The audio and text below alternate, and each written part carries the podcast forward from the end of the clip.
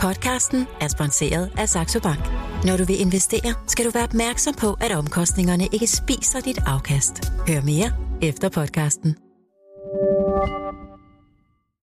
Millionærklubben fra Jørgen Vester med Bodil Johanne Gansel.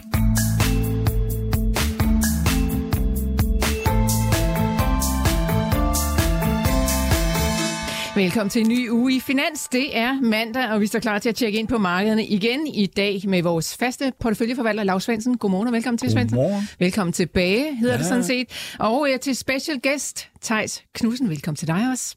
Tak for det. Investeringschef, hos, øh, for, investeringschef for finansielle investeringer hos øh, Kirk Kapital. Og når jeg siger det sådan, øh, Thijs, så er det fordi, at øh, I har så meget andet end dine finansielle investeringer. Det er, altså, det er lige præcis det område, du sidder for derovre hos øh, Kirk Kapital. Thijs, øh, som faste lytter vil vide, så er jeg altid stærkt begejstret for at skulle have dig i studiet. Og det er jeg, fordi du altid er meget klar i spyttet. Du øh, har blandt andet sagt på et tidspunkt, du besøgte Millionærklubben, at olieprisen skulle i nul. Og der var ikke nogen tidshorisont på, så det er sådan set også et, øh, et gratis kald at komme med. Du øh, sagde også i januar 2020, hvor de fleste analytikere altså ikke helt forstod, at corona øh, ville gå hen og blive øh, verdensomspændende og meget, meget alvorligt. Der sagde du øh, i vores udsendelse bare vent til OL i Japan bliver aflyst. Så altså, du har det med at komme med nogle af de her forudsigelser, Thijs. Altså måske endda se nogle ting, som de andre ikke lige øh, har fået øjnene op for. Har du nogle øh, vilde ting med til os i dag? Oh dear, hvilket spørgsmål. Jeg kan love dig, det bliver jul også i år. Okay, det Og var hvem ikke, vinder det var ikke så fodboldmesterskabet? så, så lad mig spørge dig på en anden måde. Lige her nu, hvor vi står øh, i november måned og ser ind i et øh, år, der øh, ligger øh, ikke fra landet. Der er ved at være slut, det var det, jeg ville sige. Er du så bullish eller bearish? Øh, Jeg er stadigvæk øh, ret bekymret over det, vi ser ind i, i de, i hvert fald de næste 3-6 måneder. Mm-hmm. Jeg tror ikke, aktiemarkederne er faldet nok, og jeg tror, vi skal være rigtig glade for, at de finansielle sammenbrud, vi har haft i år, alene er begrænset til kryptoverdenen, og at vi ikke har set det i den reelle økonomi endnu. Og øh, betyder det, at I har ændret på jeres porteføljesammensætning over hos Kirkekapital? Og vi har ligget til den defensive side gennem det meste af året. Øh, nu er obligationer faldet så meget i år, at det har ikke, øh, det har ikke noget, der har båret så frygtelig meget frygt. Men, men generelt har vi været undervægtet aktier det meste af året, og vi er det fortsat. Betyder det så, at du har været i stand til at generere noget afkast? Ja, men hverken i aktier eller obligationer, mm. men, men vores primære kilde til afkast i år kommer fra vores illikvide investeringer, private equity, private debt, øh, infrastruktur og sådan nogle ting.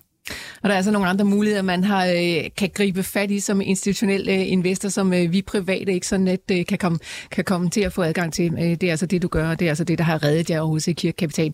Lars Svendsen, lad os Ja. kigge lidt på markedet. Du har, ja. Ja. Inden vi gør det, Undskyld. du har været væk nogle dage. Ja, jeg og nogle været over i Jylland. jo. nogle gange, når du sådan trækker dig lidt tilbage fra, fra det her ja. Program i hvert fald, så får du tænkt store tanker. Er der Ja. nogle store tanker på vej? Ja, altså kun, kun ikke sådan nogle rigtige, øh, sådan noget, at man laver om på nogle meninger, men jeg er faktisk blevet lidt mere frygtsom øh, derhen, at jeg mener, at USA har, vi har jo det her rebound over nu, ikke, på Nasdaq. Jeg tror egentlig, at USA har øh, noget øh, nedad, vi skal overstå, og så kommer der øh, bund i skidtet, øh, og, og, og så kan, kan verden fungere igen. Men, øh, men øh, så jeg er blevet lidt mere... Øh, altså mit, mit børsknæ siger mig, at der er nogle ulykker, Øh, der ligger foran os, øh, og, øh, og de er primært i USA, øh, og, og, øh, og det skal vi så have øh, på en eller anden måde. Øh, så spørgsmålet, skal man give ned? Hvad, hvordan skal vi komme rundt om den der? Øhm, og det går jeg rundt og tæller på, på, på, på, på, på knapper over. Men, men altså, jeg vil sige men- men det, altså, er mere det, der- altså fornemmelse, ikke? At være mavefølelse og knæet, og jeg har det i knæet, men altså, hvor sidder det henne, ikke? Men, Men, men hvad, øh, hvad, altså en ting er, at ja, du kan føle det i knæ, Lars Ja, ja. Men altså kan du sådan lige komme lidt nærmere ind på, hvad er det, Ja. der får dig til at få den følelse? Jamen det er, at, at øh, øh, altså, jeg mener jo, på børsmarkedet er, er vi jo så fokuseret på USA, fordi det vejer tungt. Ikke? Det er jo øh, lige over 60 procent af, af verdens aktiemarked, sådan som man opgør det i de her indeks, og der er jo over halvdelen af verdens penge, er til synligheden bliver de givet rundt ud for indeksvægtning, øh, og det tror folk så er, er en neutral måde at, at gøre det på. Ikke? Men, men øh, at øh, den der nedtur, vi har haft over på Nasdaq øh, at, øh, for, for, for IT, øh, at den er jo ikke forbi nu. Det er ligesom faldet en af gangen. Og så, hvis det hele var faldet på en gang, så havde vi haft en ordentlig øh, Øh, tur ned fra 16.300 øh, eller andet i top og til, til 10.000, øh, 11.100 nu, ikke? Nasdaq-indeks. Men, Men de vil falde en af gangen, og så endda nogle er, er, er begyndt at, at kravle op igen. Altså øh, Netflix, som var først, og så Meta er jo også begyndt lidt. Men, men, øh, men det, som ligesom, de skvatter baglæns ned af, ikke så Microsoft er der gået på, og, og så meget vi Apple, ikke? det er last man standing. Og de bliver sådan med at tro på, at øh, det er jo egentlig øh, godt, og vi skal have øh, øh mobiltelefoner til 7.000 kroner for at få lov at være med på statens øh, øh, net i Danmark, så vi kan få lov at betale skat og alt muligt andet. Øh, alt det der. At, øh, men, men det gør det jo ikke, og vi, det er jo et mættet marked, og derfor så er det, det er jo nærmest her nummer to. Nu bare med noget software på, og nogle apps, og alt det der. Vi tror, vi kan stå og lege med sådan en der, der har en, nu er det en Commodore, ikke 64, men en Commodore 280, eller hvad det hed. At vi er nået op på, det er blevet firedoblet i kapacitet, ikke? Men, men jeg vil bare sige, at det der, det er ikke overstået endnu. Og, og jeg, på det punkt er jeg egentlig lykkelig over, at vi har jo sådan en krig, fordi der er jo nogle investorer, som ligesom uh, bider sig fast, og elsker Tesla, elsker Apple, ikke? Og nogen siger, det er jo ham, jeg, vi har overfor Nordea, det siger, Øh, når de der, de øh, begynder at dykke, så, så er det forbi. Så kommer sammenbrud. Øh, og det kan godt være rigtigt, fordi det er ligesom sådan været sådan kerne, kerneting. Microsoft er det også, og de bliver nok ved med at være det, fordi de, øh, de kan jo holde til, til hvad som helst. Men men, men, øh, men øh, som sige, at øh, hvis der kommer sådan en over det, men så længe de holder ud, så har nedturen ned er jo været bremset. Men det er den bare trukket ud og trukket ud. Og trukket. Derfor jeg har sagt 10.000 for Nasdaq tre år frem, plus minus 10 procent og 8.000 som øh, bund ved et blackout. Det er det, I skal øh, sætte på. Men så længe folk de sidder der og gør det der, og sidder og skyder med maskingevær mod russerne, der kommer væltende frem øh, i vinteren, så øh, falder hele markedet jo ikke ned. Mm. Og derfor er det, det er glimrende. Jeg er isoleret set glad for, at der er nogen, jeg synes, de tosser, men det er det, som ligger og forsvarer alle de der og tror på, at der kommer et nyt boom i IT. Fordi det har jo bremset det hele vejen nedad. Det er jo ikke Nå, nogen hemmelighed, er... at du ikke har nogen flavor for IT-aktierne, Nej. og du er tech-skeptiker. Lad os bare sige det på den jeg måde. Kalder dem, jeg kalder dem for, jeg kalder dem for idioter. Nå, nå, okay. Lars Svendsen, øh, men øh, lad os lige prøve at vende den med Thijs Knudsen. Thijs, det her med de her store tekstselskaber, som jo altså i den grad kunne gå på vandet igennem mange år, som jo steg til helt også vanvittige niveauer, må vi nok sige, se der i øh, bagklogskabens øh, klare lys. Øhm, kan du se, som Lav han siger, at de skal længere ned? Altså er der et større far for, at det hele kollapser på en eller anden måde, før vi ligesom får ryddet op for alvor? Eller er der en øh, tur opad for dem? At man måske vil lige skulle kravle op af det kaninhul øh, og komme tilbage på et eller andet mere helikoptersporsagtigt niveau i den her diskussion, for at det er jo ikke, det er jo ikke om det er tech-selskaberne, om de stiger eller falder, som er afgørende for, hvad der sker de næste seks måneder for markederne. Det er, jo, det er jo en delkomponent. Men i udgangspunktet kan du sige, at det er helt naturligt, at aktiemarkedet er faldet, som det er faldet i år. Det er en naturlig respons på et, et økonomisk klima, der er blevet klart forværret. Inflationen er stedet, og renterne er stedet. Du kan sige, at alene det, at renterne er stedet så meget, det, det har aktiemarkedet kun lige taget højde for. Og vi har set en meget, et meget betydeligt fald i multiplerne, price-earning-multiplerne på aktiemarkedet, altså hvor meget du betaler for fremtidig indtjening. Men det, man ikke har taget hul på, det er egentlig en nedjustering af indtjeningsestimaterne, og man har ikke rigtig begyndt at skrue på øh, virksomhedernes øh, profitmarginer. Og det tror jeg i virkeligheden er nøglen til, hvad markedet skal det næste halve år. Mm. Fordi bag ved det hele ligger, at øh, Europa er på vej ind i en recession, og USA bremser meget betydeligt op, og vil muligvis også havne i en recession. Og lægger man det sammen, så er det altså næsten uundgåeligt, at aktiemarkedet skal længere ned herfra. Og så er det klart, at der er cykliske sektorer herunder IT, som også vil få det svært. Ikke? Øh, og det er for mig en del af historien. Og så er det jo rigtigt, der er jo det, du kan kalde ikke profitabel tech, har jo fået ut- utrolig mange tæsk øh, det seneste år til halvandet, øh, og, og den er vi nok heller ikke helt færdige med endnu. Nå. Jeg, synes, jeg synes faktisk, det er sjovt, at jeg, sad, jeg har siddet og fablet lidt om, hvor skal markedet hen, jeg har lavet et, et lille skrift, det er det første, der kommer nogle flere. Det står hjemme på mit verdensfirma, fordi jeg skulle lave noget over Esbjerg. Det hedder Svendsen og Tudborg. Ja, og der er lavet det, der hedder SWOT-analyse af aktiemarkedet, ikke? og hvor der så er sådan nogle skøn over, hvordan det kommer at gå til næste år. Men men altså, vi har jo det balladepunkt, at øh, inflationen, når den har været 10, ikke? altså herhjemme er vi nede med 17 procent i år på aktier, ikke? så har vi godt nok fået øh, ryger lige et point den anden vej på udbytte, så vidt jeg ved. Ikke? Det bliver ligesom neutraliseret ud, men, Altså, vi er nede med 16-17 procent, men så er der 10 procent inflation. Så i virkelighedens verden, hvis du regner fra 1. januar, og når der står øh, 1. januar igen, så er folk ved at have det der øh, i realafkast jo ned med, med, med over 25 procent. Og det er jo sådan set meget godt, at, at i den forstand er det jo godt, at priserne stiger, fordi så øh, det hjælper trods alt til at holde aktiemarkedet op. Altså, når man ligesom, ja, de kommer jo fra begge sider, ikke? Mm. Det er bedre, end den ene skulle gå ned. Nu øh, kommer der noget der øh, fra, fra, fra priserne. Og øh, mindre du tror, at man tæver inflationen i bunden, og det kan man nok ikke gøre, i hvert fald ikke hurtigt, så, øh, så, så bliver der jo også sådan en til næste år, ikke? Mener du dermed, at inflationen ja. ikke har toppet, Lars Svendsen? Jo, den har toppet, det, det tror jeg. Jeg tror, den topper i, øh, har toppet i USA og øh, i Q3, og den topper i Q4 i Europa, men, men, øh, men altså, at dem jo så stadigvæk, for det der tempoet, der er for det, mm. hvis ikke olieprisen ryger i bunden, hvad den nok ikke gør, så, øh, så vil øh, dem blive med, altså den der, de har om, om ECB har jo et eller andet skøn om, er det 6,3 procent eller, eller andet i, i 23, fordi ligesom, altså den kommer nedad, men den skal jo, den falder jo ikke som en sten. Der er så, så lang vej ned til de 2 procent, det er der ingen tvivl om. Nå, Lars Hansen, lad os lige runde ja. dagens marked af her, øh, hvor vi altså har været i gang med handlen i ja, 17 minutters tid. GN, Rockwool, Netcompany, Pandora og Demand, det er altså nogle af dem, der får hug her til, øh, til morgen. Ja. Rockwool, som jeg altså er regnskabsaktuelle, ja. de kommer i metal på onsdag. Ja, den har så lige blusset lidt op, jo, øh, var jo nede og vende på, jeg tror, den er faktisk nede i 1100.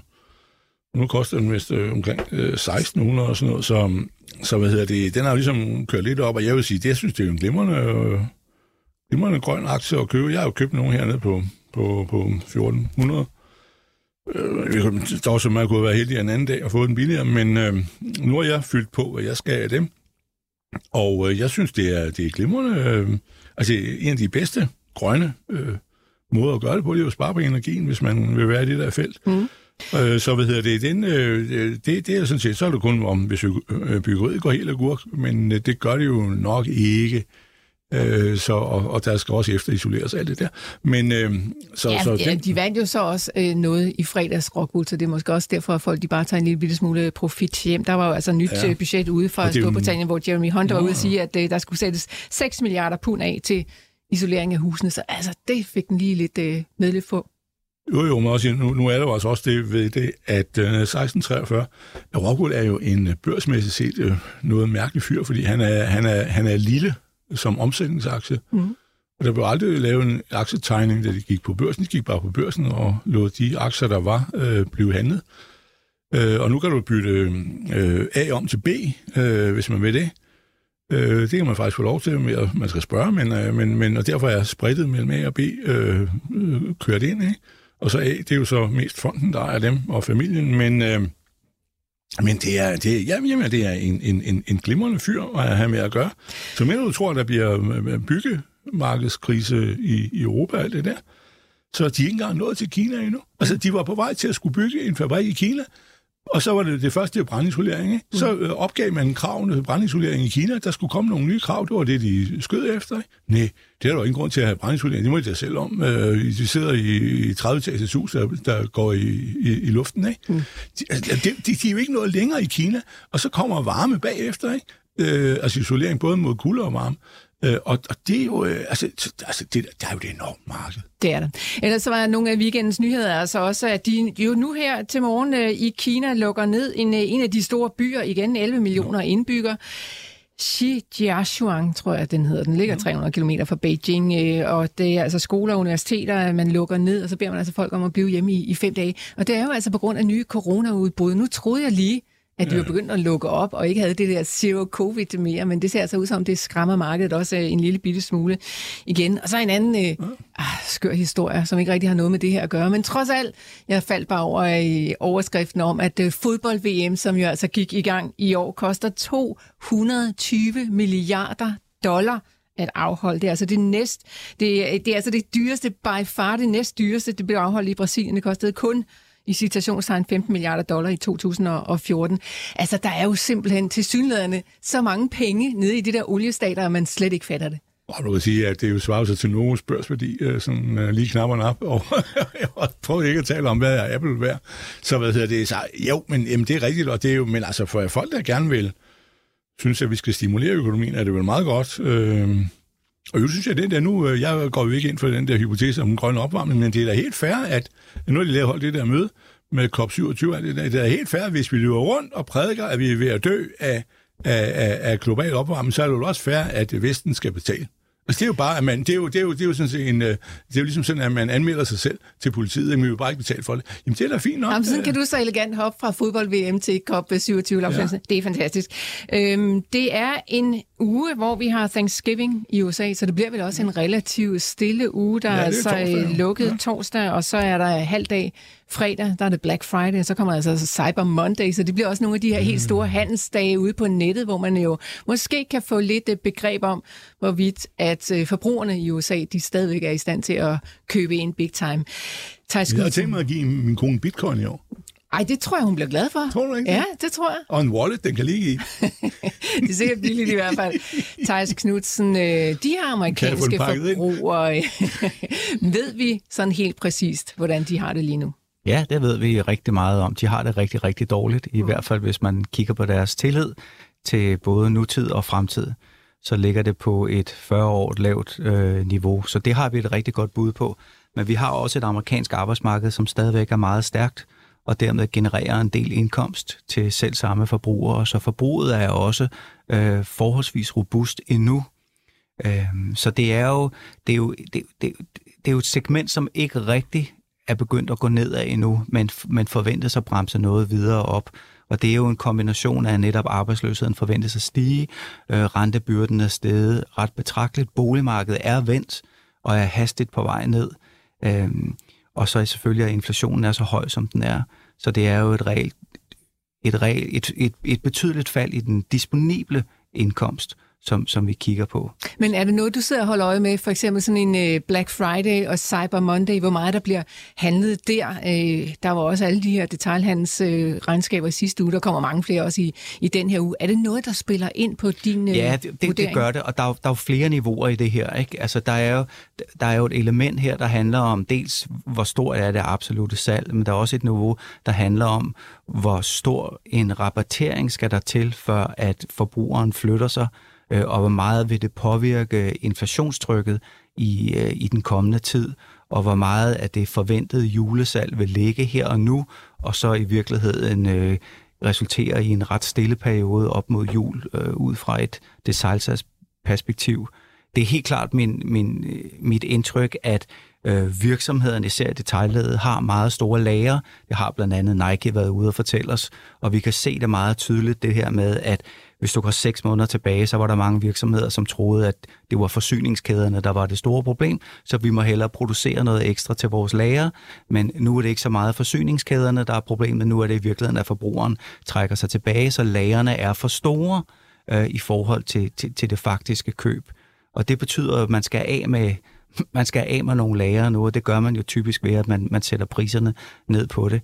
Øh, men det betyder også, at produktionen ikke øh, vil være så stærk fremadrettet, som den har været. Så jeg ser det i virkeligheden som sådan et dobbelt stød ind, at produktionen bremser op, men det kan forbruget altså også. Mm. Det kan være, der kommer masser af gode tilbud heroppe øh, til jul, så man skal vente lidt med at købe sine øh, gaver. Det her det er Millionærklubben for Jørgen Vester. Jeg har Lars Svendsen i studiet og Thijs Knudsen fra Kirk Kapital. Vi skal tale marked og markedsstemning, og hvis du har lyst til at blande dig i den debat, ja, så er du selvfølgelig velkommen til at skrive til mig.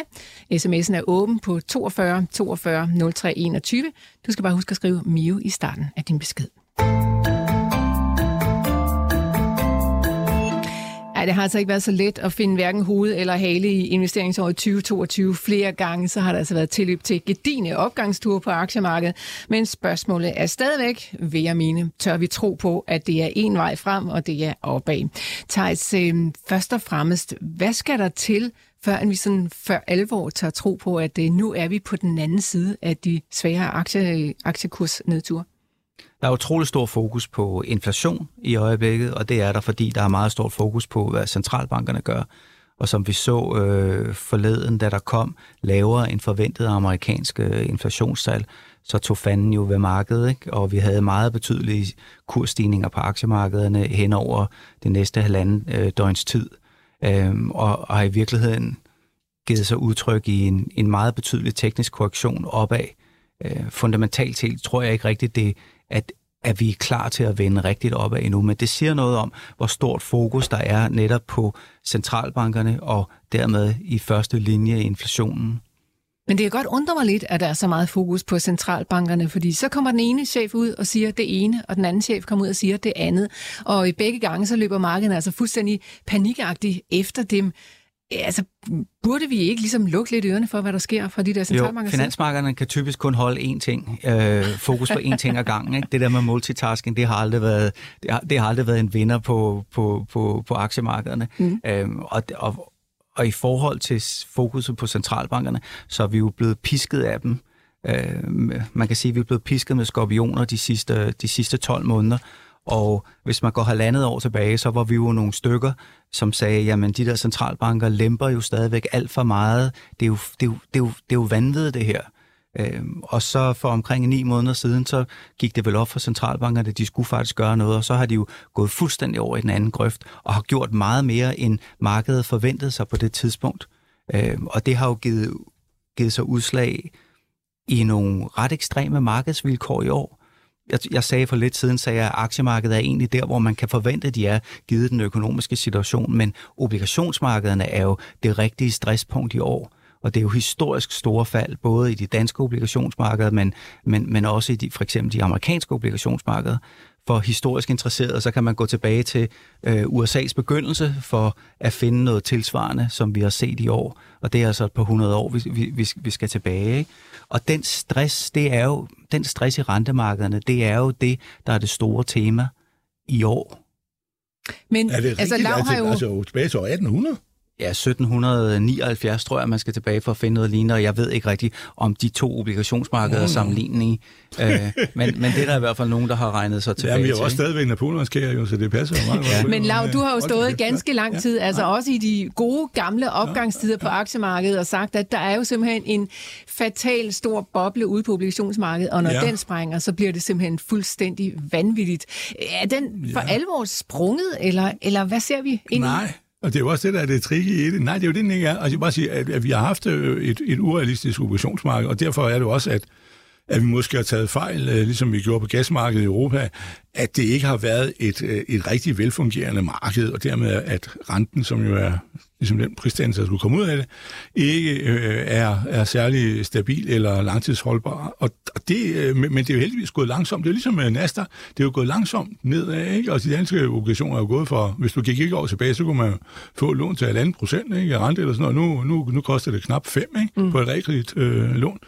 Så, så, så, så, det er da gået langsomt, så, så det er ikke eksploderet, men, men du, der er jo nogen, der har fået nogle tab på, kurstab på obligationer, som de jo Øh, i hvert fald kun var de gamle tosser som mig, der har, kan huske, at det kunne man få, ikke? Og, og det vil sige, at de jo har været, obligationer har jo langt hen ad vejen i, i 10'erne, altså 20-10'erne jo været et, et, sådan et lidt øh, et, et loppehul at være i, hvor de nærmest fik kursgevinster hele tiden, og renten faldt, og det var håbløst rente, men så fik de en kursgevinst. Men er vi nødt til at få den der helt vanvittige nej, øh, eksplosion nej, i ballonen? Det, nej, det, nej det, det, det, det tror jeg ikke, for jeg mener, nu er vi da jo kravlet op på, altså 5% i USA er vel øh, der, vi i underkendt af 5% er vel der, hvor vi skal hen nu, og den har været 4,5, og så er den gået tilbage til 3,7 for en 10-årig obligation, ikke? Statspapir, men altså 5% er vel der, øh, det kan, jeg kan forestille mig, at det kommer liggende, hvis ikke obligationen går, eller at, at inflationen går amok, og det er jo det der prisløn, skubberi, hvis det begynder man ind ved, ved løbe omkring og æde den andens hale, ikke? At, øh, at, at, hvis ikke det går amok, men, men det øh, så nogenlunde kan, holde sig på et højere niveau. Jeg tror ikke, vi kommer tilbage til 2%. Jeg tror, det er noget, det er noget officielt snak, mm. som de bare sidder til der, vi kommer fra, som vi bare vil sidde og sige det samme. Øh, at øh, ligesom ham i Ukraine vil generobre det hele, så det er ikke for, han heller ikke lov til, eller kan. Men, men øh, men altså, der er ligesom sådan nogle ting, der går politik i. Altså, hvis vi ved ikke, vi skal mene, jamen så går vi tilbage til det, vi sagde, og så går vi det ligesom, når Pape siger, at de skal sætte skatten ned. Ikke? Altså, det er sådan noget, de havde i gamle dage, og det konservative med til at sætte skatten op i, i, i, i, i 70 år i Danmark. Men, øh, men, øh, men så siger man, det, det, det plejer ja, det er jo lidt nok at sige noget. Men Thijs Knudsen, øh, en rente i USA på 5 procent, og der er også blevet snakket om lidt højere, 5 en kvart, sådan i det niveau. Lyder det realistisk i dit hoved? Ja, de, de korte renter, mm. de pengepolitiske renter i USA kommer nok med meget stor sikkerhed derop i løbet af de næste 3-4 måneder. Og se så spørgsmålet om det vil være tilstrækkeligt for centralbanken til at få bragt inflationen ned. Og det, og det skal man jo det skal man altså ikke undervurdere, at ser man på det her med Federal Reserves øjne, så er det nu, man skal have trykket inflationen ned. For hvis ikke man får gjort det, så lige så snart der kommer en vending i økonomien, så vil vi se en accelererende inflation igen, og så kan det nok stikke rimelig meget af for dem. Så, så det er en af årsagerne til, at, at, at der er så hårdt tryk fra den amerikanske centralbanks side, og det virker som malplaceret. Også at man i Europa vil sætte renterne op på vej ind i en recession. Ikke? Og en vending i økonomien, det får vi jo på et eller andet tidspunkt. Det er sådan rimelig sikkert. Det, er rimelig det, sikkert. det ved vi. Spørgsmålet ja. er, hvornår det kommer. Thijs, har du et bud på det? Jamen, det kommer, det kommer en gang i løbet af første halvår næste år. Mm. Øh, der kommer en helt, en helt banal vending i produktionscyklusen, øh, fordi vi har været i en opbremsning gennem det meste af, af 2022. Det store spørgsmål er, om vi skal have det egentlig boligkrak lagt ind over, som vi egentlig havde i 2008, og hvis det sker, øh, så bliver det en noget længere rejse gennem det.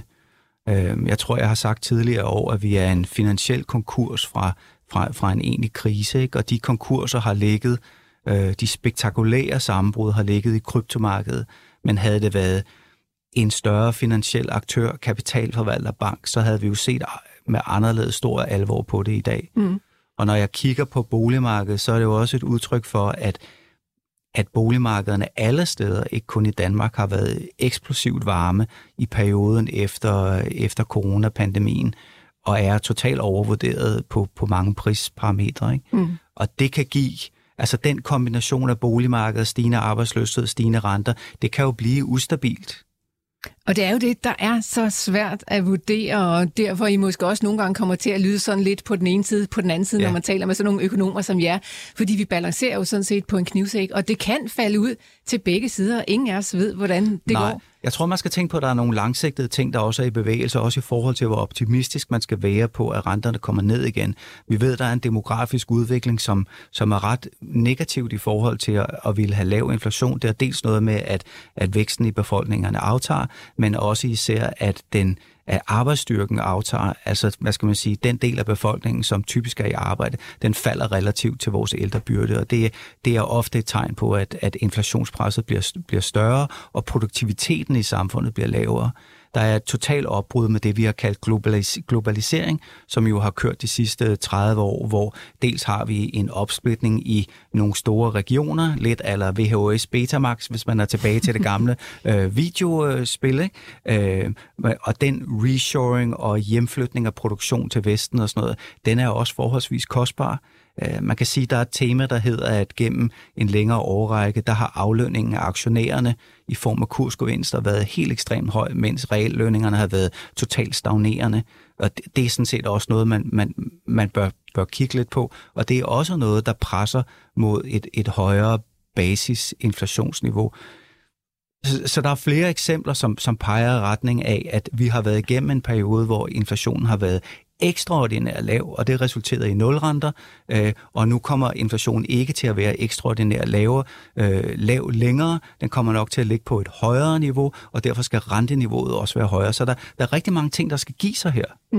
Må, jeg, må jeg lige spørge om noget, fordi når du sidder og siger det der, øh, det er jo meget rigtigt, men, men du, nu skal tak. vi være mere konkrete. Men mere, mere konkret, fordi du sidder og siger det der med, at Fed, øh, han er jo den, der fører pengepolitikken, og ECB er knap nok begyndt at vågne op, men, men, men Øh, han skal det ned, men øh, det går jo så langsomt med at få inflationen ned. Du kan godt se, at tallet falder, og det vil formentlig håbentligvis at fortsætte, men altså, han kan jo ikke få den ned, øh, hvis han sidder og siger, jeg sætter først renten ned, når inflationen er kommet ned øh, under 4 eller 3, så kan han jo komme til at sidde og vente i to år. Altså, øh, han kan se, at, at kurven falder bevægelsen, men han kan ikke se, at, at, at hans, øh, ligesom, jeg kommer i mål. Nu kan, har jeg kommet i mål, så kan jeg øh, slappe af og sætte renten ned. Altså, øh, er Jamen, det, det er jo deres, det er jo deres, hvornår kan han gøre noget? Det er jo deres inflationsprognoser, som, som er afgørende. Ikke? Øhm, og hvis du går tilbage til, hvordan den tyske centralbank, Bundesbank, plejede at se på det, så havde de opereret de med sådan et 18-måneders lag mm. øh, fra pengepolitikken ja. ind i økonomien.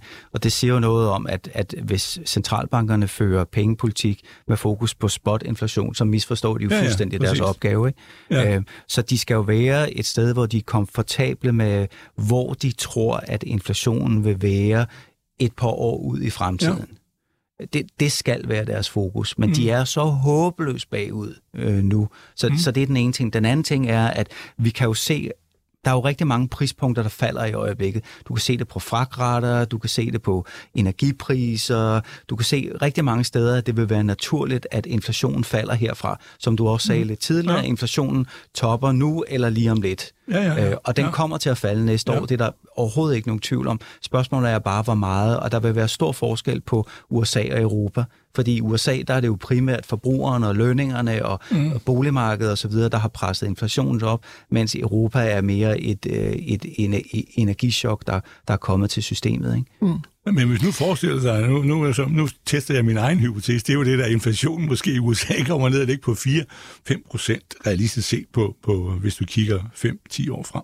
Det er der, vi ender hen. Altså ikke på to. Hvor, hvor, så kan han jo ikke sætte renten så meget ned. Nej. Der, der, der er jo mange ting her, Lav, som, som bliver jo enormt kompleks, fordi ja. Ikke alene er det jo niveauet for priserne, det er jo mm. også volatiliteten i priserne. Sige, hvis, du ligger, hvis du ligger med en inflation omkring 2%, og den svinger mellem 1 og 3, så gør det jo ikke noget. Nej, nej. Men hvis du ligger med Ja, en inflation ja. på 5, mm. og den svinger mellem mm. 3 og 8, så når du er op omkring 8%, så har du altså et rigtigt problem. Ja. Og altså, det er jo også noget med variansen i inflationen, som, Jo, jo. som, som bliver et økonomisk problem for centralbankerne. Ja. Og derfor skal både volatiliteten i inflationen, men også mm. niveauet, skal altså nok lidt lavere ned, end du og jeg måske som, som lægemand vil, vil synes var nødvendigt øh, i den nuværende situation. Fordi 3% inflation er jo ikke et problem, og med Nej, den nej. gæld, vi har i den offentlige mm. sektor, Ja, ja. så kan det faktisk Ja, ja, være en ja. fordel, Mm. at vi gennem et, et generelt højere prisniveau kan få nedbragt Ja. øh, den gældsbyrde. Ja. Men, men, men, Øhm, må- jeg vil godt lige trække jer tilbage til Ja, ja, aktiemarkedet, fordi Ja. ja. at øh, en ting er at snakke inflation, men vi skal jo altså også lige have styr på de aktier, og øh, hvad man skal gøre, for vi skal jo ikke bare sådan øh, grave os ned i et stort sort hul, eller trække dynen helt op om over ørerne. Der er altså muligheder derude, selvfølgelig.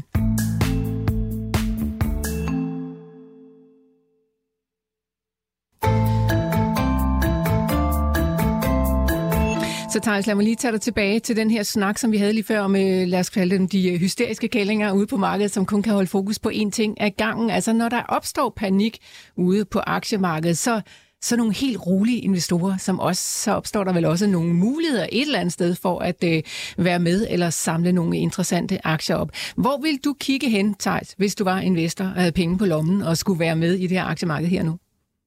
Jamen, Bodil, jeg, jeg er måske lidt kedelig i forhold til det svar, du, du ønsker. Ikke? Jeg starter med at sige, at jeg er undervægtet aktier, øh, og en del af min aktieportefølje er tiltet defensivt, det vil sige, at jeg bruger sådan noget som en, øh, man kalder det en minimumsvolatilitet ETF, eller en lav beta øh, ETF, til virkeligheden at trække noget af risikoen ud af den aktieportefølje, jeg har. Og det gør jeg jo meget bevidst, og den, den del af markedet overvægter... Sådan noget som Novo og så videre, ikke? Altså den, den defensive del af aktiemarkedet. Og, og det performer jo relativt til markedet fornuftigt i øjeblikket. Og det, og det er jo rigtigt, som du siger, at der er jo rigt, der er meget, der er faldet, og der er meget, der ser billigt ud. Men spørgsmålet er, hvornår nok er nok. Øhm, og det forholder jeg mig nok forholdsvis strengt til. Så du, skal- du skal høre det, jeg siger, som at jeg tror simpelthen ikke, at aktiemarkedet er færdig med at falde endnu. Og finde finde vinder, som stiger uanset markedet, er altså forholdsvis svært. Mm. Men det her med, altså det, jeg ved godt, det er meget svært at ramme øh, bunden. Det er også svært på den anden side mm. at ramme toppen, når man skal tage sin uh, gevinst hjem. Men Thijs, på et eller andet tidspunkt, så skal man jo også ligesom være med i markedet. Altså der er der også andre øh, strateger og godt folk derude i verden. Øh, Jeg så, at øh, øh, Nykredits øh, chefstrateg, som hedder, åh, oh, jeg kan ikke lige huske hans navn, han hedder Frederik Engholm, ja. der var det, øh, var ude at sige, at det er måske ved at være tid til at samle op. Det betyder ikke, at han siger, at det stiger herfra og øh, ind i himlen. Der kan sagtens komme øh, større fald, men der er dog interessante elementer derude, som Når, der er ved når markedet er faldet 25 procent, så er vi jo meget langt i en prissættelse af mange dårlige, dårlige nyheder. Mm. Og får vi en mild recession globalt set, så er et fald på 25 procent, det er jo alt rigeligt. Skal vi have en dyb recession, så skal vi, skal vi nok lidt længere ned. Vi har haft sådan et target på S&P 500, som ligger, øh, som ligger lad os sige, 10% lavere. Og er vi nede 30% øh, som et maksimalt fald på S&P 500, så er vi jo historisk der, hvor rigtig meget er priset ind, med mindre vi skal have en finansiel krise. Og, og det betyder, at der skal jo ikke ret meget til, før at der faktisk skal komme en betydelig kursopgang. Jeg bliver ved med at vende tilbage til, jeg tror ikke, at alle argumenterne er på plads, for at vi kan få en fundamentalt drevet øh, kursopgang. Øh, men, men men vi er kommet ned rigtig langt. Vi har fået multiplerne ret langt ned øh, og, og så fremdeles. Ikke? Men det er da også meget krævende at mene, at alle argumenter skulle være på plads, Thijs, inden man sådan for alvor hopper ind i markedet. Altså, er vi, kommer vi nogensinde derhen? Ja, det gør vi jo ikke. Det gør vi jo, når, når altså, det er jo ikke usædvanligt, at, at vi har mange af de argumenter på plads, når markederne virkelig stiger. Mm. Men jeg tror, man skal huske på, at selvom man synes, det har været svært i år, så hvis man kigger som et gennemsnit over de sidste tre år, så ligger vi jo stadigvæk med ret betydelige pro anno afkast. Og det skyldes jo ikke mindst, at markederne efter afslutningen af coronapandemien var jo eksplosivt optimistiske. Og nogle gange, når jeg ikke kan finde på andet at lave, så sidder jeg og kigger på en kursgraf på forskellige aktier, og så kigger jeg på, hvor langt vi stadigvæk er fra for eksempel januar 19 og for rigtig mange selskaber, så ligger vi altså stadigvæk på højere kursniveauer end januar 19.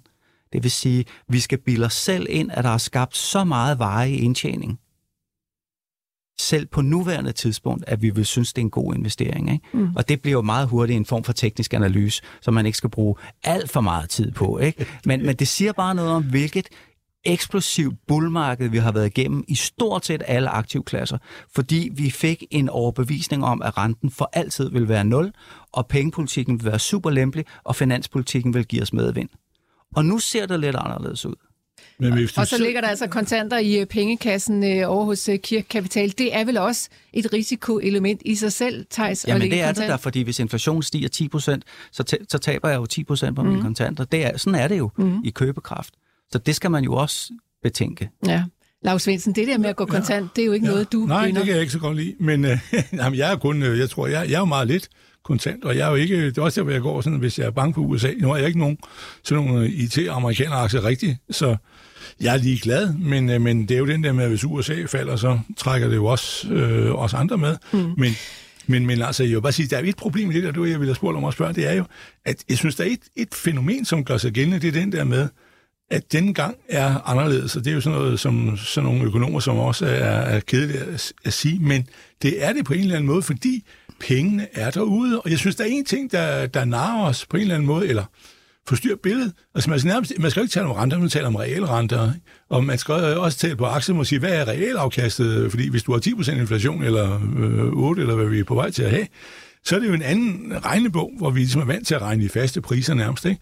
Men men pengene er derude, og det er jo det, der gør det helt tricket, fordi øh, øh, nu i øjeblikket er vi jo paralyseret af den der krig over i Ukraine, som vel økonomisk set har fået en meget større øh, humøreffekt, eller man kalder det, hvad du vil, end, end den burde gøre. Øh, og også ude i Asien, de burde jo nærmest være ligeglade med det. Ikke? Mm. Men, men, men, men når pengene er derude, så kan de jo fare ind i alt muligt.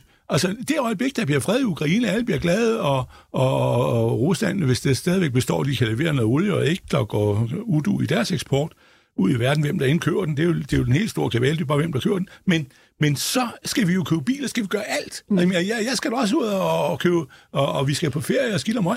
Jamen, så er der jo en, øh, en, øh, en, en, en akkumuleret købekraft, mm. som skal vi så købe aktier, eller skal vi købe øh, forbrug? Og jeg tror, der bliver Men, voldsomt meget forbrug. Thijs, har lav ret i, at det faktisk er anderledes den her gang? Altså, vi plejer til at stå og sige, this time is different. Den her gang er det anderledes, og så viser det sig efterfølgende, at det var sådan set, som det plejede at være hele tiden. Men den her jeg, gang er det vel anderledes, eller Jeg hvad? tror ikke, jeg ser helt på det så positivt, som, som Lav gør, fordi jeg er ikke overbevist om, at pengene sådan set er der. Og det, og det kan man jo tilgå på flere forskellige måder, at hvis du, hvis du kigger på, at din disponible indkomst er faldet voldsomt, fordi inflationen er steget, du betaler mere for din varmeregning, øh, og din formue er faldet, fordi din, din bolig øh, er faldet i pris, og din aktieportefølje er faldet i værdi osv., så, så har du bare en, et dårligere udgangspunkt. Og din, din adgang til kredit kvantitativt er blevet forringet, og du skal betale mere for den. Så, så jeg tror, der er nogle ting, der vil være anderledes fremadrettet, end, end de har været. Øh, men hvis du vender dig til et porteføljespørgsmål, øh, som måske vil interessere dig, så kan du sige, at jeg har ikke særlig meget, jeg kan skyde med lige nu, med mindre jeg giver min portefølje. Og det er jo et udtryk for, at selvom jeg har nogle kontanter, så har jeg nogle obligationer, der er faldet i værdi, jeg har nogle aktier, der er faldet i værdi, og så har jeg godt en tredjedel af min portefølje, som ligger i illikvide investeringer, som for eksempel private equity, infrastruktur, sådan nogle ting. Og de er set over de seneste 12 måneder steget meget i værdi, men det er jo ikke, det er svært for mig at rebalancere for noget illikvidt til noget likvidt, der er faldet meget. Mm. Og jeg tror, det er et problem for rigtig mange institutionelle investorer herunder danske pensionskasser, at de er overvægtet private equity, og det er svært at flytte penge derfra til et likvidt segment. Okay. Så, så det der med at lige at sige, Nå, nu er det billigt, lad mig skynde mig at købe en frygtelig masse aktier. Hmm, ja, hvor skal jeg få de penge fra et eller andet sted? Ikke? Jeg har jo, det kan godt være, at jeg siger, at jeg har mange kontanter, men så har jeg måske 5% kontanter, Ja, ja, ja. og det er meget for mig. Ja, jamen, det er det da Men. Thijs, fordi noget er svært at flytte, det betyder ikke, at det ikke kommer til at ske. Det tager måske bare lidt længere tid, end øh, hvis det var bare sådan over på et, øh, et almindeligt børsmarked.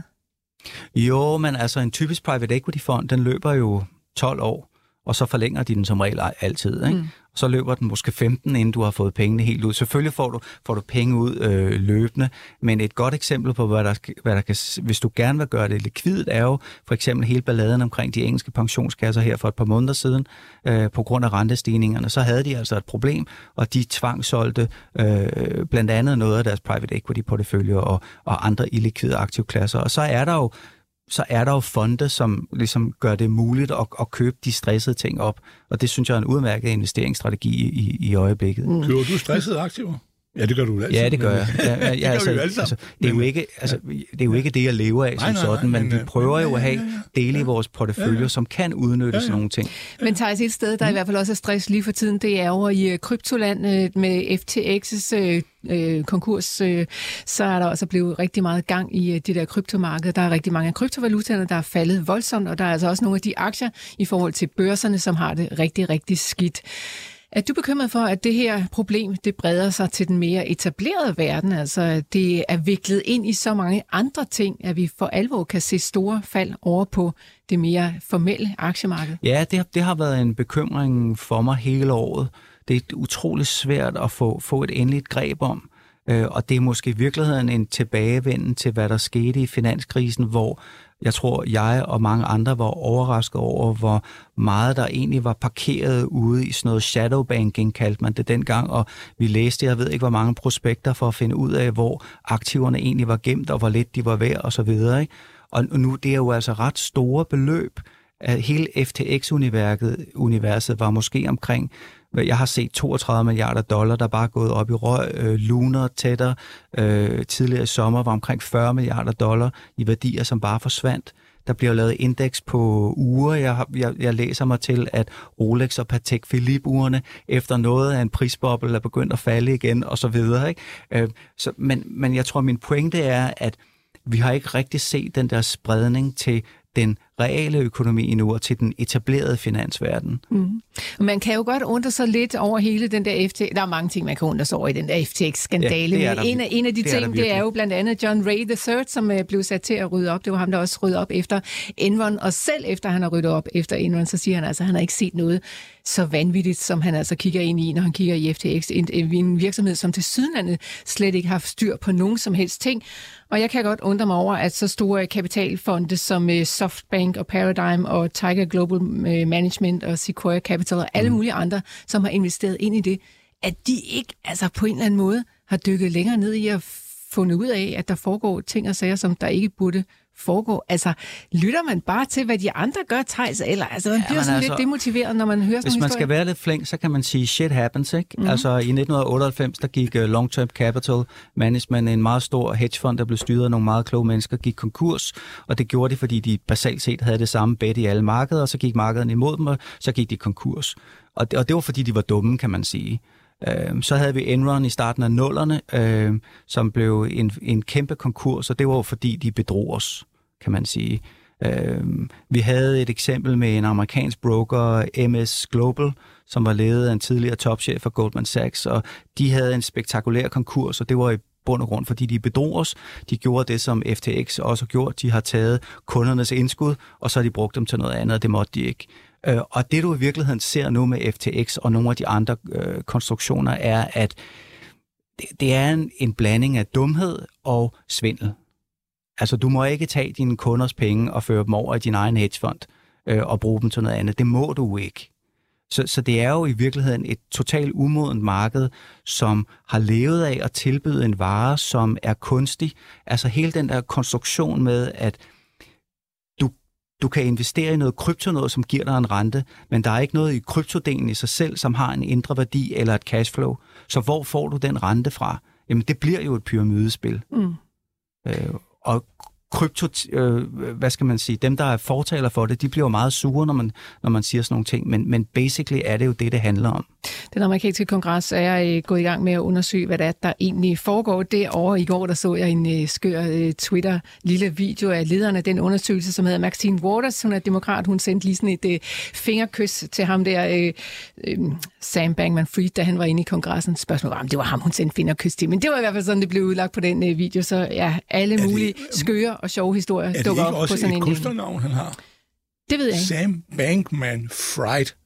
Freed. Ja, man kunne godt, øh, man kunne godt øh, lege lidt med det der Fried. Men, øh, jeg er ret sikker på, at det er det, han hedder. altså, du må spørge hans forældre. tilbage til, øh, til aktiemarkedet og den verden, som vi måske kender en lille bitte smule mere til her i Millionærklubben i hvert fald. Thijs, jeg kunne godt tænke mig at høre dig, når vi står her med masser af usikkerheder, FTX, der går ned, og alle mulige øh, tanker og forhold i øh, rentemarkedet og inflation og alt mulig usikkerhed i det hele taget. Skal man så øh, vælge at gå i øh, kontant eller slå i specifikke aktier, eller er det en fordel at gå i øh, ETF'er og den slags? Altså, skal man brede sig ud lidt mere aktiv eller passiv forvaltning? Det er et super godt spørgsmål, og jeg starter jo altid med at sige, som investor skal du have markedsafkastet. Mm. Du skal først og fremmest have markedsafkastet. Det er jo det over tid, der giver dig din, hvad skal man sige, din, dit afkast. Hvis du tror, du kan noget mere end markedet, hvis du har en edge, som Lars Svendsen oh, har. Hvor sødt. Så, så kan man jo gøre noget andet, og dermed få måske et overnormalt afkast. Hvis ikke man synes, man kan bidrage med noget stort, så skal man være glad for, at man i dag kan få et markedsafkast til en omkostning, der stort set er nul. Det, det er jo virkelig, virkelig, virkelig godt, hvis man kigger på en pensionsopsparing, der måske løber 30 år ud i fremtiden. Altså de passive investeringer kan sådan set være et udmærket alternativ ja. frem for bare at have pengene stående. Jeg kan hilse at sige, at hele min kur er aktivt forvaltede aktiestrategier i år. Jeg tror kun, der er en af dem, som er foran vores benchmark. Og det siger jo noget om, hvor svært det er konsistent at slå markedet. I fagsprog kalder man det idiosynkratisk alfa. Og det er saftsus med næsten lige så svært som at finde en enhjørning. Mm. Lars Svendsen, du har i hvert fald gjort det i år, lad os bare sige det på den ja, måde, men der har men... selvfølgelig også været andre år, hvor det ikke er gået så godt ja, ja, ja, for dig, hvor du har ja. taget penge herinde i Millionærklubben, og jeg spurgte dig og Lars Persson her for nylig, ja. om I sådan øh, kunne huske tallene for, hvem der egentlig på den lange bane, altså de, mm. de 10 år, vi har eksisteret, hvem der så ligger forrest. Og der mente jeg altså begge to, det var Lars Persson. Ja, det var. Mm. Jeg ved ikke så om i år, jeg har, har hvad hedder det, slået den hjem, fordi hvis man akkumulerer afkast, det er jo det, man skal. Altså mm. år et, og så siger du, så er jeg 110 kroner næste år, så har tjent 10 procent, så er det 121 osv. Ja. Det vil sige, at det sidste år tæller jo meget. Mm. Så på den måde kan det da være, at jeg har slået mig. Men han har faktisk klaret sig ufatteligt godt, ja. Mm. Og øh, det irriterer mig jo også, fordi øh, jeg, jeg skal jo tænke mig til det, jeg gør, og han øh, sidder og kigger i sin, han har sådan en kurvestol, han sidder ligesom en gammel morfar og knager han lidt. tænker bare på og så sidder han og kigger på det der og siger, åh, det er nemt, nu peger jeg den op. Og så men jo, men det, det har han jo. Mm. Øh, men skal du også sige, hvis du har haft et bullmarked, som vi har, så vil øh, tekniske analytikere jo have øh, ligesom en fordel, fordi de har jo en, en bærebølge, som de Altså alle pine peger jo mod øh, nordøst, ikke? Og så er det spørgsmål om at, at, at, at få noget af det. Så jo, men, jo, men Lav, det, det ved, har, du, ja. ved du positivt, om du har slået benchmark igennem de 10 år, hvor vi har eksisteret her i Millionærklubben? Ja, jeg kan jo sige det på den måde. Der er nogen, der sidder også og siger på de der, der sidder og skælder ud på nettet, hvor de sviner mig til for alt muligt ondt, at uh, de sidder og siger, manden har jo ikke nogen penge, og så det, jeg har 700 kroner på mig, kan jeg så sige. Men hvad hedder det, at uh, altså, jeg startede jo med 0. Jeg er ikke født med en... Uh, en øh, sødske i munden, og min mor og far var ufaglærte mennesker osv., som dog til sidst efterlod mig et hus, men øh, som arv, men øh, som kommunen gerne skulle købe en dag. Men øh, at øh, for det ligger et sted, hvor der skal byudvikles. Ej, tilbage på sporet. Men, ja, ja, men hvad siger bare, at pointen er, at nu har, har jeg da fået samlet en hel del penge sammen, så det kan jo ikke være gået helt dårligt. Men jeg har jo også Spørgsmålet haft... er, om det havde gået bedre, hvis du havde sat dine penge Nej, i et det var, det var gået meget, meget, meget, meget dårligere. Okay. Øh, og øh, jeg vil aldrig køre på den måde, medmindre jeg bliver senildement og sidder på plejehjem, så vil jeg sige til min søn, hvis jeg kan, nu vil jeg sige fremstamorerne, nu må du godt købe indeks, fordi øh, hvis du ikke gider, så gør det nu, men det er handicaphjælpemiddel, øh, og, og, og jeg vil selv bestemme den risiko, jeg er, og jeg tror, vi venter jo, altså når det store børskrak kommer, det, ikke, øh, det kommer ikke nu, osv., men længere frem, så bliver det jo formentlig, som i ham der, en eller anden med, med uh, Michael Barry, alle de har ude at sige, så bliver det jo formentlig på, at vi har så mange penge koncentreret om indeksplaceringer, at folk tror, at der ikke er nogen risiko. Mm. Og derfor så, øh, når alle en dag skal, øh, skal brække sig af det samme, så er der ingen overhovedet, der vil købe.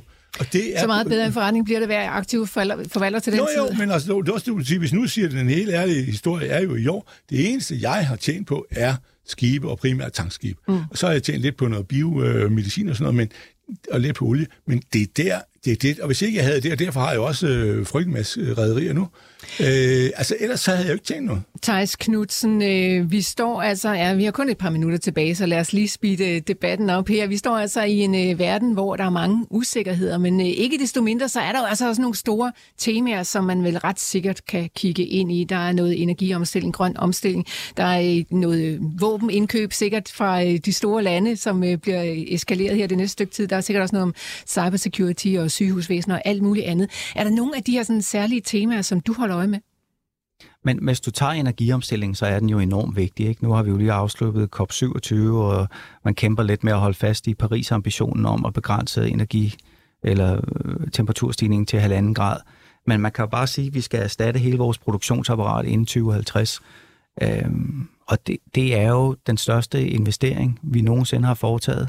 Og det er jo også et tema for os i Kirkekapital at sige, hvordan, hvordan kan vi være med til at tilvejebringe kapital der, hvor det kan gøre nytte i forhold til sådan en energiomstilling, uden at det går til startups og ting, som bare havner i, i grøftekanten. Mm.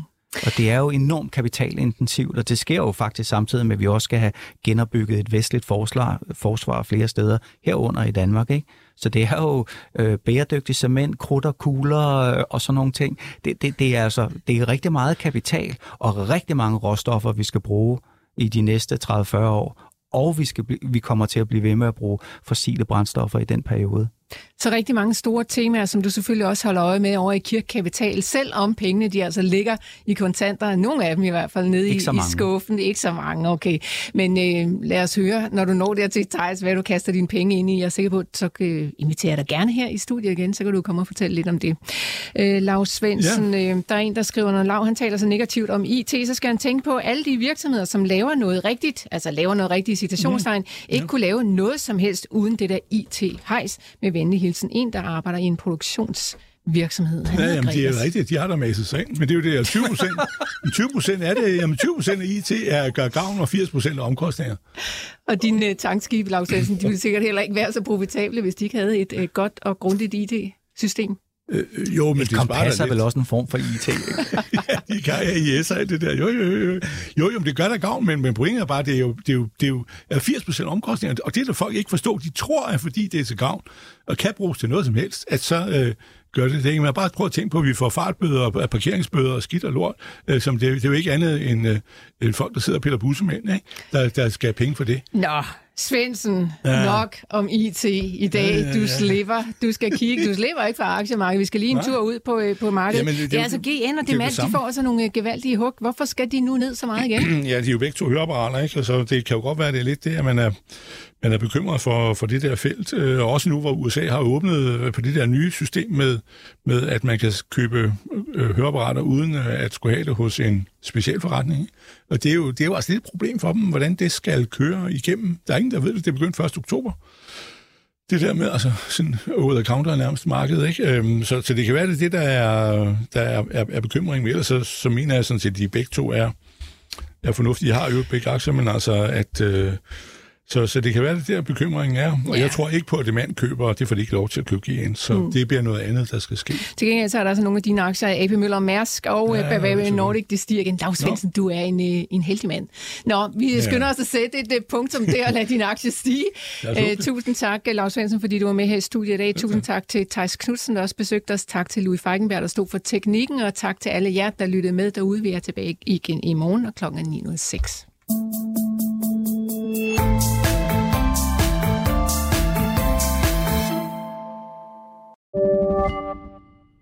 Millionærklubben var sponsoreret af Saxo Bank. Gør det godt i din virksomhed? Hos Saxo Bank kan du få dine overskydende midler til at vokse med en investeringskonto, hvor du også kan få op til 3,05% i positiv rente uden binding. Det er nemt og gratis at oprette en konto. Der er ingen konto og depotgebyr, og der er ingen binding, så du kan altid investere eller trække dine penge ud. Kom i gang allerede i dag på saxobank.dk.